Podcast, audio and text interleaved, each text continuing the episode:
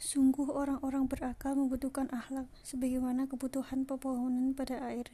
Demikian ungkap Sayyidina Ali Kawi. Seandainya aneka insting pada diri manusia tampil konsisten dalam keadaan seimbang, maka itu tidak berbahaya. Bahkan itu berguna dalam meraih kesejahteraan dan keharmonisan hubungan. Tetapi jika ia melampaui keseimbangannya, manusia akan sakit mental, tidak ubahnya dengan penyakit fisik dan sebagaimana fisik sakit memerlukan obat.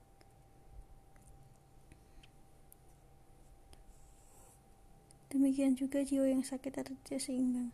Jika tidak diobati, maka dapat menular dan ketika itu bukan saja bukan hanya yang sakit itu yang akan gagal mencapai kesempurnaan sebagai makhluk dwi dimensi, tapi juga masyarakat dan alam raya akan punah.